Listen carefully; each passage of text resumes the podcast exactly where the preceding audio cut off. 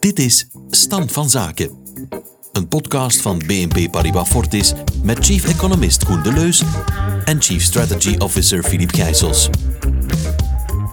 Elke maand staan Koen en Philippe stil bij een tijd die zelden nog stilstaat. Wat valt hen op en wat houdt hen bezig in onze wereld die niet stopt met veranderen? En wat betekent dat voor de economie, voor de markten en voor jou?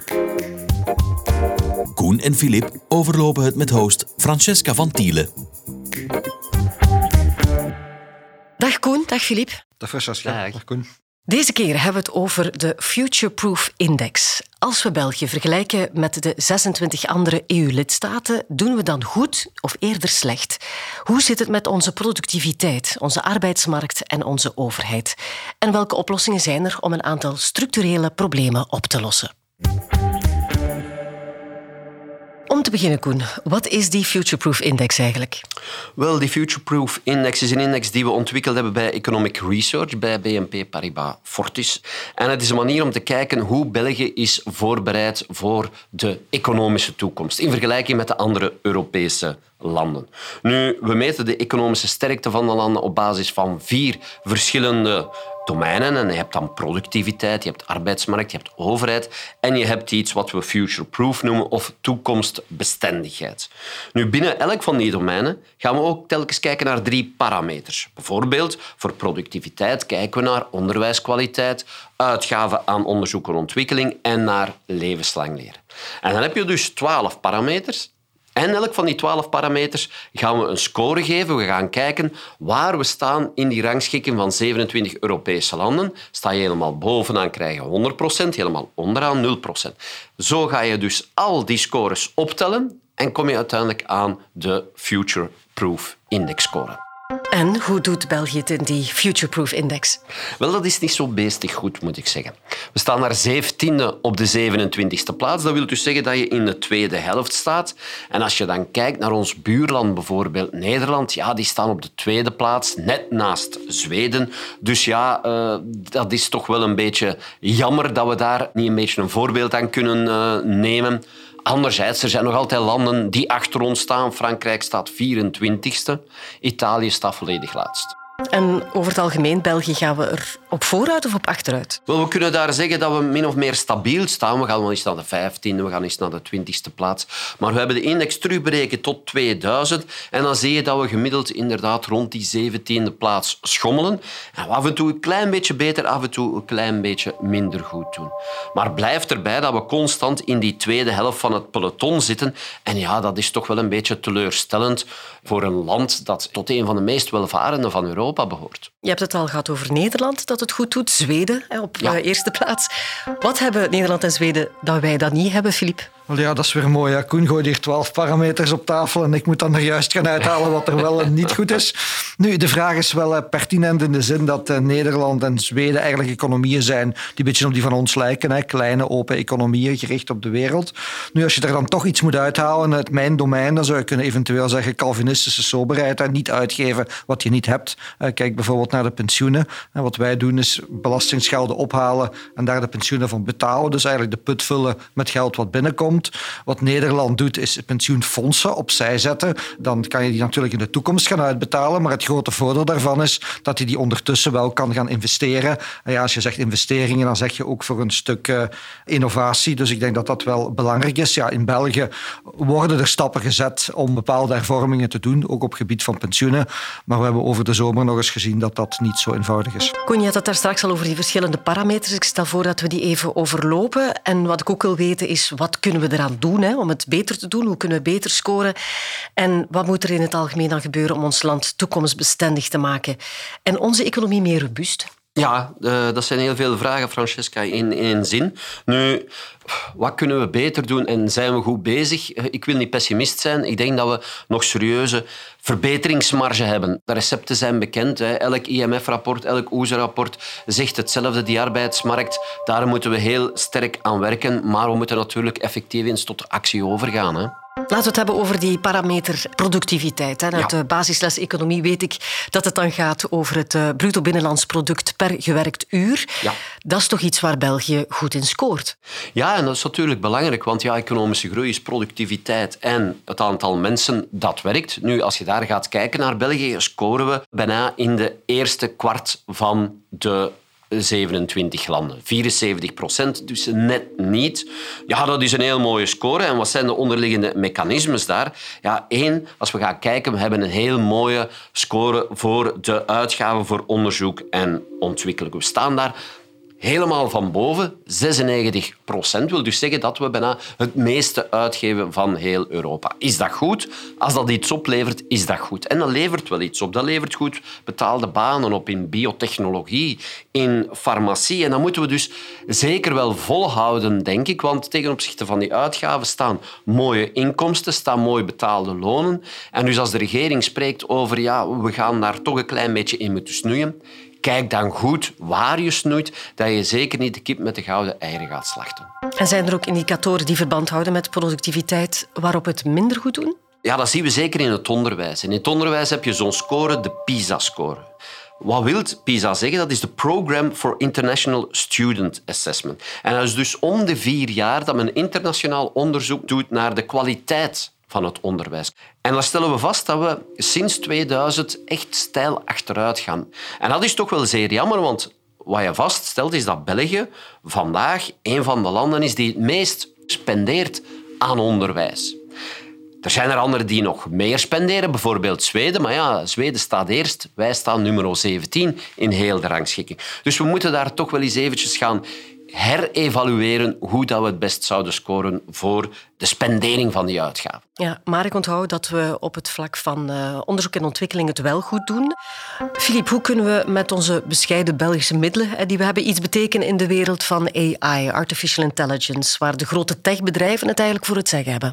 Wel, iedereen heeft zijn mond vol van die AI, dus we moeten daar een keer naar kijken. Nu, wat de beurs lijkt te geloven, is inderdaad dat het die grote spelers zullen zijn die het grootste deel van de koek, van de winst gaan meenemen. Hè? De Microsofts, de Apples, de Nvidia's en zo verder. We kennen ze allemaal. Nu, als je naar de geschiedenis kijkt, is dat eigenlijk atypisch. Want wat er normaal gebeurt als er een nieuwe industrie ontstaat, eh, automobielindustrie eh, of wat dan ook, internet, dan komen er een heel aantal nieuwe, relatief kleine bedrijven. Eh, in de auto-industrie waren er op een bepaald moment 8000. In België hadden we de Minerva toen in die tijd. En dan krijg je een soort shake-out. En dat betekent dan dat er een paar overblijven en dat er heel veel verdwijnen. Dus als je daarvoor een stuk mee bent, kan je daar toch wel een rol van betekenis spelen. Nu, deze keer zou het anders kunnen zijn. Want de macht van die grote spelers is ook dermate groot dat zij misschien ook wel de nieuwe winnaars kunnen zijn van de nieuwe industrie. Maar dat zou atypisch zijn. Dus ik ben daar eigenlijk redelijk optimistisch. Ik denk als klein land kan hier echt wel een rol van betekenis spelen. En welke lichtpuntjes zie je dan?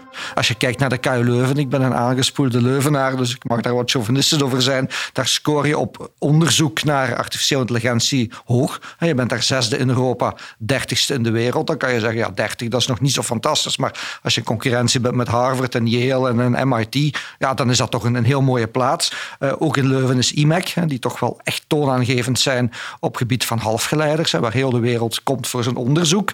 Eh, en ook als je kijkt in videogames, hebben we die fantastische school in Kortrijk. En daar begint dan toch een bepaald ecosysteem uh, rond te groeien. Dus ja, uh, het is niet omdat je een klein land bent, denk ik, dat je niet innovatief kan zijn en dat je geen woordje kan meepraten op het gebied van technologie.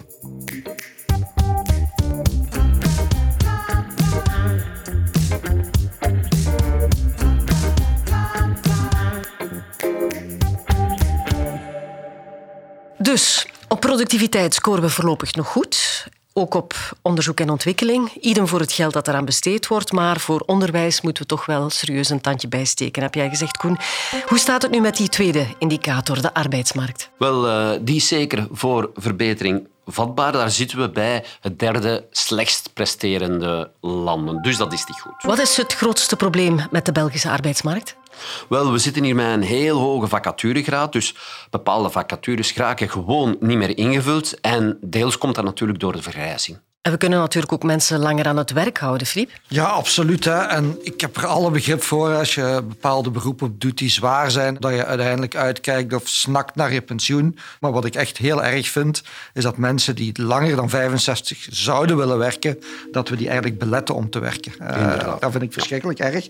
En ook natuurlijk die periode als je 60, 65 wordt, je kan perfect iets anders gaan doen. Als je, je kan mentorship gaan doen. En ik geloof ook in het omgekeerde, het reverse mentoring. Uh, voor een stuk, ik ben nul, zoals iedereen weet, op gebied van wat technologie is. Ik moet aan mijn zoon of eender wie mij wil uitleggen, gaan vragen hoe ik mijn computer moet gaan opzetten. Wel, dat leerproces kan voor een stuk in twee richtingen gaan. Dus laat ons dat alsjeblieft doen. Maar de vergrijzing is niet de enige oorzaak van de hoge vacaturegraad, toch, Koen? Nee, het grote probleem is hier dat je een heel lage participatiegraad hebt in de leeftijdscategorie 20-65. Je ziet daar met een participatiegraad van 71,7 procent. Met andere woorden, van alle mensen op arbeidsleeftijd is meer dan 1 op 4 niet aan het werk. En daar moeten we iets aan doen. Dan moeten we opkrikken. De doelstelling is daar 80 procent. Zweden, de beste in Europa, die scoort zelfs een participatiegraad van 82 procent. En wat is juist het probleem in ons land? Wel, je ziet daar geografisch met een serieus probleem. Zeker in Wallonië en Brussel. Daar zie je dat die participatiegraad nog een heel stuk lager is dan die 71. Daar zitten we ergens midden 60 procent. In Vlaanderen scoren we sterk met een participatiegraad die echt wel in de buurt ligt van die 80 procent. Nu, het probleem is er niet enkel een van te hoge werkloosheidsgraad. Je ziet daar ook dat we met heel veel langdurig zieken zitten. En die langdurig zieken, dat heeft niet allemaal te maken met covid. Er zijn er nog wel enkele bijgekomen, maar het dateert al van daarvoor. De mogelijkheid om met brugpensioen te gaan is afgesloten. En het ziet er zo een beetje naar uit dat je met communicerende vaten zit. Omdat dat niet meer lukt, ja, gaan mensen op andere manieren gaan proberen om toch op pensioen te gaan. En dan zie je ineens dat aantal langdurig zieken een heel stuk de hoogte ingaan. Nu natuurlijk, laat me duidelijk zijn, er zijn mensen die effectief langdurig ziek zijn. Maar het feit dat we een veel lagere tewerkstellingsgraad combineren met een veel hoger dan gemiddelde ziekte- en invaliditeitsgraad is toch wel heel opvallend. Dus de vraag is daar, ja, waarom hebben wij in België daarvoor zo'n hoog cijfer. Ja, je haalt hier twee belangrijke problemen aan. Wat zou dan de oplossing kunnen zijn? Wel, als we kijken eens naar die hoge werkloosheid, dan denk ik dat we zeker kritisch moeten kijken naar het actief opvolgen van mensen. Hoe langer dat iemand werkloos is, hoe moeilijk het wordt om hem terug aan de slag te krijgen.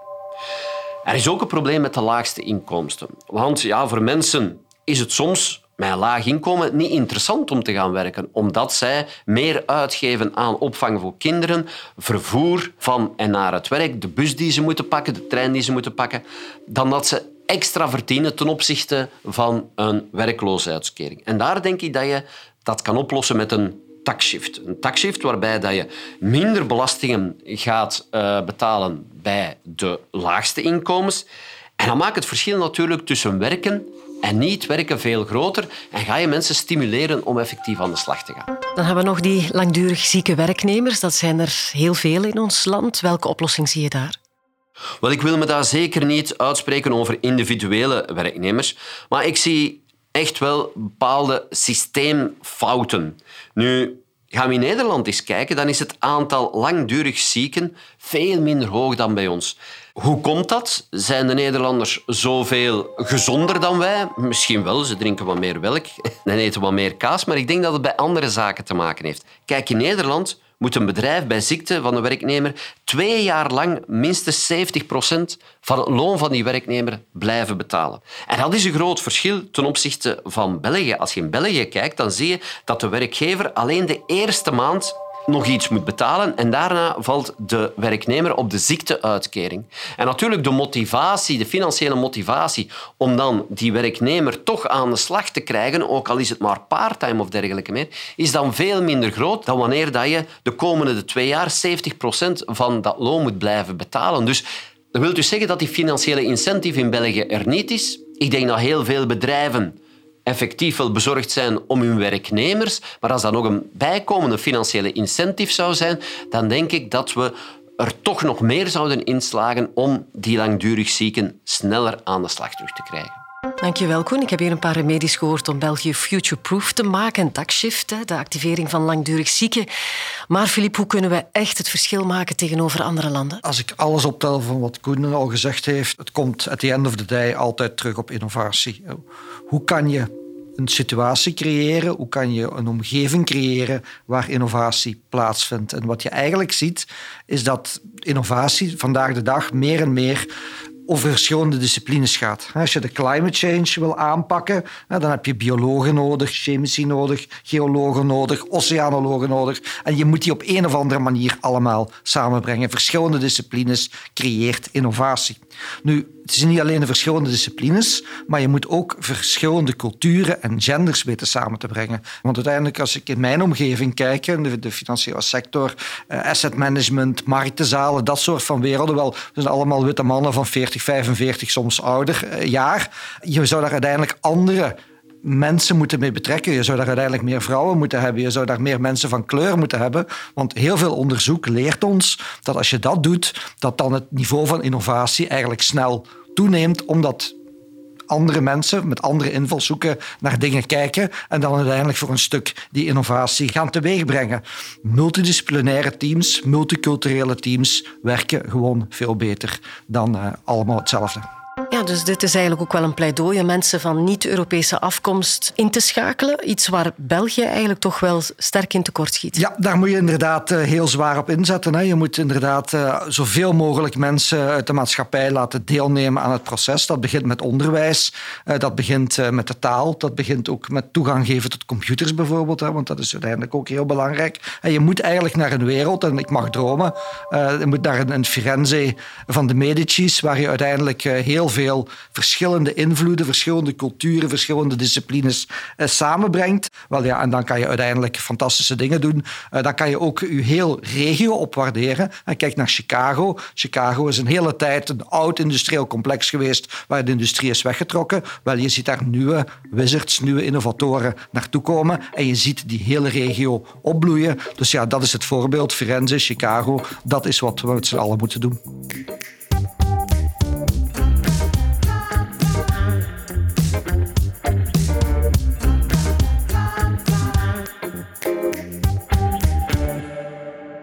Naast productiviteit en arbeidsmarkt kijkt de Futureproof indicator ook naar de overheid en overheidsschuld. Hoe doen we het op dat gebied, Koen? Wel, daar uh, doen we het ook niet goed. We zitten daar bijna bij uh, de 20% slechtste van Europa. Dus ik vrees dat we daar echt wel de verkeerde kant aan het uitgaan zijn en nog verder gaan uitgaan ook. Want als we gaan kijken naar de verwachtingen van het IMF voor 2024, ja, dan verwachten die dat wij het hoogste overheidsdeficit van heel Europa gaan hebben. En dat is toch wel vrij pijnlijk. Nu, waarom is toch een beetje beter scoren in zaken overheidsbudget, in zaken schulden belangrijk? Wel, in crisismomenten is dat belangrijk. Dat hebben we bijvoorbeeld gezien bij de energiecrisis. Op dat moment heeft Duitsland gewoon zijn portefeuille bovengehaald om zijn gezinnen en bedrijven te beschermen. 7% van BBP, alstublieft, dank u wel. Wij hebben ja, onze uitgaven moeten beperken tot 1%. Ik zeg niet dat die oplossing van Duitsland beter was dan de Belgische, maar wij konden niet meer. En dat is natuurlijk een beetje pijnlijk. En wat moeten we dan doen om wel de goede kant op te gaan? Wel, ik denk dat er zeker grondige hervormingen nodig zijn, met name in de pensioenen. Dan heb je de pensioenhervormingen van de regering De Croo gehad. Maar ja, daar kom je aan een verbetering van de pensioenen tegen 2060 van 0,5 procent van het BBP, terwijl dat er 2060 2,5 procent extra gaat uitgegeven worden. Dus ja, ik zeg niet een druppel op een hete plaat, maar eigenlijk lang aan niet genoeg. Nu, de oplossing is nogthans eenvoudig, zeker voor die pensioenen. En we hebben het daar ook al eens over gehad. Klik die pensioenleeftijd vast aan de stijgende levensverwachting. Ten tweede denk ik ook, en daar hadden we dat straks al over, dat zo'n taxshift ons wel vooruit kan helpen. En natuurlijk een beetje soberder leven, wat minder administraties, wat minder verschillende niveaus van beleid. Daar kan je ook al heel makkelijk heel wat kosten besparen. Filip, zie jij nog andere oplossingen? Maar natuurlijk zie ik andere oplossingen. Hoeveel tijd hebben we? Nu laten we ons met iets heel ergerlijks, de file. En nu, ik ben eh, de slechtste chauffeur van heel West-Europa, maar ik sta ook al eens in de file. Jij veroorzaakt ze niet. Ik veroorzaak ze niet. ik ben niet de eerste wagen, meestal de tweede of de derde. Nu, economisten zoals Koen becijferen ons dan dat dat 5 tot 10 miljard per jaar kost. Uh, je zou het kunnen oplossen met beter openbaar vervoer. Je zou het kunnen oplossen met infrastructuurwerken en dergelijke. Maar oké, dat is één ding. Maar er is natuurlijk iets wat veel belangrijker is. En dat is de manier waarop we naar ons leven, naar ons werk, naar onze indeling van onze tijd kijken. En als je kijkt naar de middeleeuwen, ja, toen was het simpel. Je was heel kort jong, je werkte en ging dood. En dan geleidelijk aan, ja, is de wereld verbeterd natuurlijk. En zijn we naar een wereld gegaan waar je een jaar of 20, 25 misschien studeert, dan werkt en dan als we geluk hebben op, op 60, 65 op uh, pensioen gaat. Uh, maar veel mensen houden die leeftijd natuurlijk niet en gaan vroeger op pensioen. Nu, ik denk dat we dat helemaal moeten gaan herbekijken. En Koen heeft het al voor een stuk aangehaald, hè, van dat je dat eigenlijk, die pensioenleeftijd misschien voor een stuk moet koppelen uh, aan de, die levensverwachting. Nu, we hebben zoiets geïntroduceerd een tijd geleden. Dat noemen we dan adolescentie. Dat is dan de periode van wat, 14, 15 jaar tot een jaar of 20 misschien. Maar ik vind dat we ook zoiets moeten hebben wat we dan een seniorescentie zouden noemen. Die periode van 60 tot 80. Periode dat de kinderen het huis uit zijn. Je kan mentoring doen. Je kan nog wat werken. Je kan nog wat inkomen genereren. Dus zo'n periode dat niks meer moet, maar alles nog kan. En de overheid, zoals Koen zegt, moet dat voor een stuk gaan uh, faciliteren. Nu, dat is maar een over overgangsfase. Maar we moeten het hele idee van carrière eigenlijk ook gaan herbekijken, denk ik. En carrière komt van carus. En carus is wagen in het Latijn. En dat betekent, ja, je gaat met een wagen van de ene stap naar de andere. Maar er zit een bepaalde volgorde in. En ik denk dat we eigenlijk zouden moeten gaan, en ik heb daar ook een woord voor, een transitiaire. En ik zou dat, dat van transitus uh, doen, van overgang, waar je eigenlijk van de ene fase naar de andere gaat, maar dat dat niet meer in een rechte lijn is. En je kan de droom hebben als je vandaag zegt, ja, ik ben met master bezig, dan zeg je, ja, ik ben 22 of 23 jaar. We zouden een wereld moeten hebben waar als je een master doet, dat je 20, 30, 50 of 60 kan zijn. Je zou een situatie moeten kunnen hebben waar een prof, heer of een dame, zowel zijn zoon of dochter als zijn vader in de aula zitten heeft. En dan zijn we eigenlijk heel goed gestart. Nu, ik heb daar nog heel veel over te zeggen, maar uh, Koen en ik, in, oh, het boek, in, in, het boek wat we schrijven zijn, gaan we het daar zeker over hebben. Maar het basisidee en het positieve nieuws hier, er zijn oplossingen. Deze podcast zit er bijna op, maar eerst hebben we natuurlijk nog onze afsluiter, de boekentip van Filip. Wat heb je meegebracht? Wel, ik heb iets meegebracht over innovatie, want daar gaat uiteindelijk deze podcast toch voor een groot stuk over. Nu hebben we al een hele tijd lopen leuren met Where Good Ideas Come From, uh, from Steven Johnson. Uh, altijd gezegd als het beste boek over innovatie van de laatste 10, 15 jaar. Nu, het Medici-effect van uh, Frans Johansson komt eigenlijk wel in de buurt. Nu, die Frans Johansson zelf, zijn vader is Zweeds, maar zijn moeder is Afro-Amerikaans eh, met Cherokee roots. Dus al zelf een, zeer mooi voorbeeld van diversiteit. En waar gaat het eigenlijk over? Wel ja, de titel, het Medici-effect. Wel, als je Medici zegt, dan denk je aan Firenze. En als je aan Firenze denkt, dan denk je aan Leonardo da Vinci, aan Renaissance en dergelijke. En het punt is, hoe creëer je nu een omgeving die innovatief is. En dat heeft natuurlijk te maken met zoveel mogelijk verschillende domeinen samenbrengen, maar ook zoveel mogelijk culturen en invalshoeken en genders en alles samenbrengen. Want dat zijn de plaatsen waar je uh, innovatie gaat creëren. En je kan zeggen, ja, dat is de right thing to do. Je wilt iedereen meetrekken. Maar als je dat doet, en dat is eigenlijk de eye-opener van dat boek, dan ga je niet alleen het, het, goede doen, maar dan ga je ook innovatiever zijn. En dan ga je uiteindelijk ook uh, meerwaarde creëren voor het bedrijf en voor de aandeelhouders. Dankjewel voor de tip, Filip. Wil je meer weten over het boek van Frans Johansen? Wel, die info vind je in onze show notes. En daarmee zijn we gekomen aan het einde van deze podcast. Die werd opgenomen op 7 augustus. De volgende stand van zaken staat online op 4 oktober. Koen en Filip, het was weer heel fijn om met jullie te praten. Dankjewel, Francesca. Dank, Dank je, Koen. Dit was Stand van Zaken. Vond je deze podcast interessant? Abonneer je dan via Apple Podcast, Spotify of een andere podcast-app naar keuze. Of deel deze podcast via sociale media. Zo help je ook anderen om hem te vinden. Heb je intussen vragen, opmerkingen of suggesties? Die kun je mailen naar socialmedia.bnpparibafortis.com. Graag podcast Stand van Zaken in de onderwerpregel vermelden. De opinies in deze podcast zijn die van de presentator en de geïnterviewde en geven niet noodzakelijk het standpunt van BNP Paribas Fortis weer.